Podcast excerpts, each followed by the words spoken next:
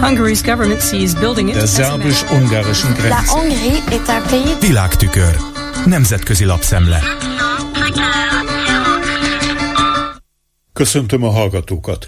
Az amerikai AP és a londoni székhelyű Reuters hírügynökség egyaránt részletesen beszámol arról, hogy Gulyás Gergely, a miniszterelnökséget vezető miniszter közölte, a magyar hatóságok nem tartóztatnák le Vladimir Putyint, ha az orosz vezető az ország területére lépne. Mégpedig azért nem, mert Budapest nem hirdette ki saját jogrendjének részeként a letartóztatási parancsot kiadó hágai székhelyű nemzetközi büntetőbíróság statútumát. Márpedig anélkül e statútum rendelkezéseinek alkalmazása alkotmányellenes lenne. A hírügynökségek megírják, hogy Gulyás azt is elmondta. A magyar kormány ugyan nem alakított ki hivatalos álláspontot a letartóztatási parancs ügyében, de ő maga úgymond személy szerint nem tartja szerencsésnek az ilyen döntést. Az a szándékoltal ellentétes hatással járna. Nem a békét mozdítaná elő, hanem a helyzet további eszkalálódásához vezetne.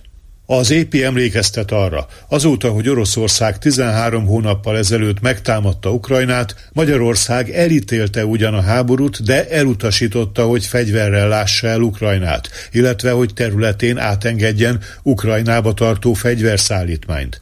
Azzal is fenyegetőzött, hogy megvétóz bizonyos Moszkva elleni Európai Uniós szankciókat. Hátráltatta a Kijevnek szánt nagyobb összegű uniós támogatási csomag elfogadását. E hét elején pedig nem volt hajlandó aláírni a másik 26 EU országgal együtt azt a határozatot, amely támogatja a Putyin elleni nemzetközi büntetőbírósági letartóztatási parancsot. A Politico című amerikai portál európai kiadása Ivo Dalder volt amerikai NATO nagykövet vendégkommentárját közli a Putyin elleni letartóztatási parancs témájával összefüggésben.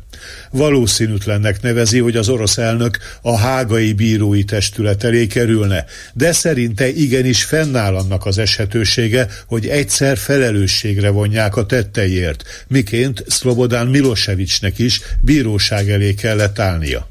Ennek kapcsán Dalder a bűnök következmények nélküliségéről, a büntetlenségről fejti ki gondolatait. Beszámol arról, hogy a Globális Ügyek Chicagói Tanácsa nevű elemzőműhely, ahol ő jelenleg tevékenykedik, összefogott az Eurázsia Alapítvány nevű londoni think tank és elkészítette a büntetlenség világatlaszát, amely azt igyekszik számszerűsíteni, milyen mértékű a felelősségre vonás elmaradása az egyes országokban. A legrosszabb osztályzatot Afganisztán kapta, a legjobbat pedig Finnország. Magyarországnak a 123. hely jutott a világrangsorban, ami a legrosszabb az EU országok között.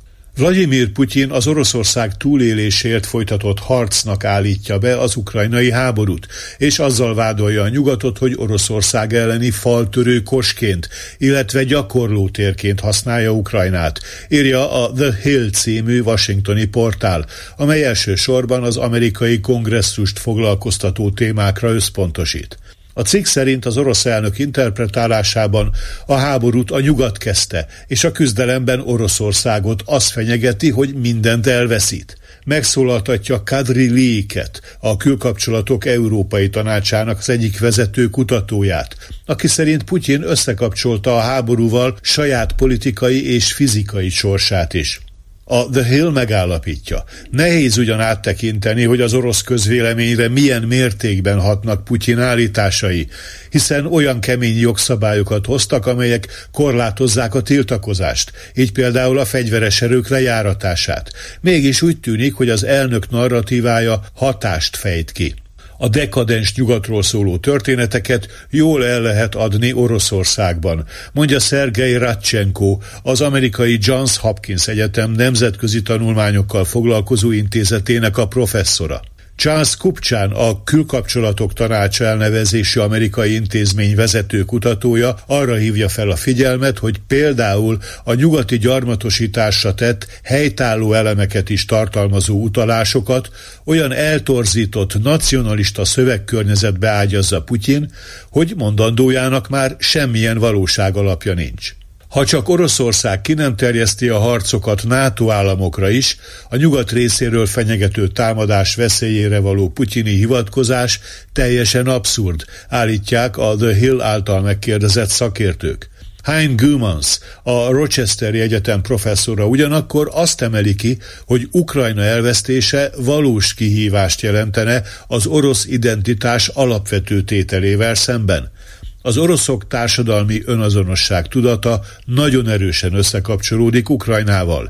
Hihetetlenül nehéz elfogadniuk, hogy két különálló államról és két különálló nemzetről van szó, mondja az elemző. Ez volt ma a Nemzetközi Média Szemle Kárpáti Jánostól. Köszönöm a figyelmüket. Hungary's government sees building it Grenze. Nemzetközi lapszemlét hallottak. Il est maintenant 5 time.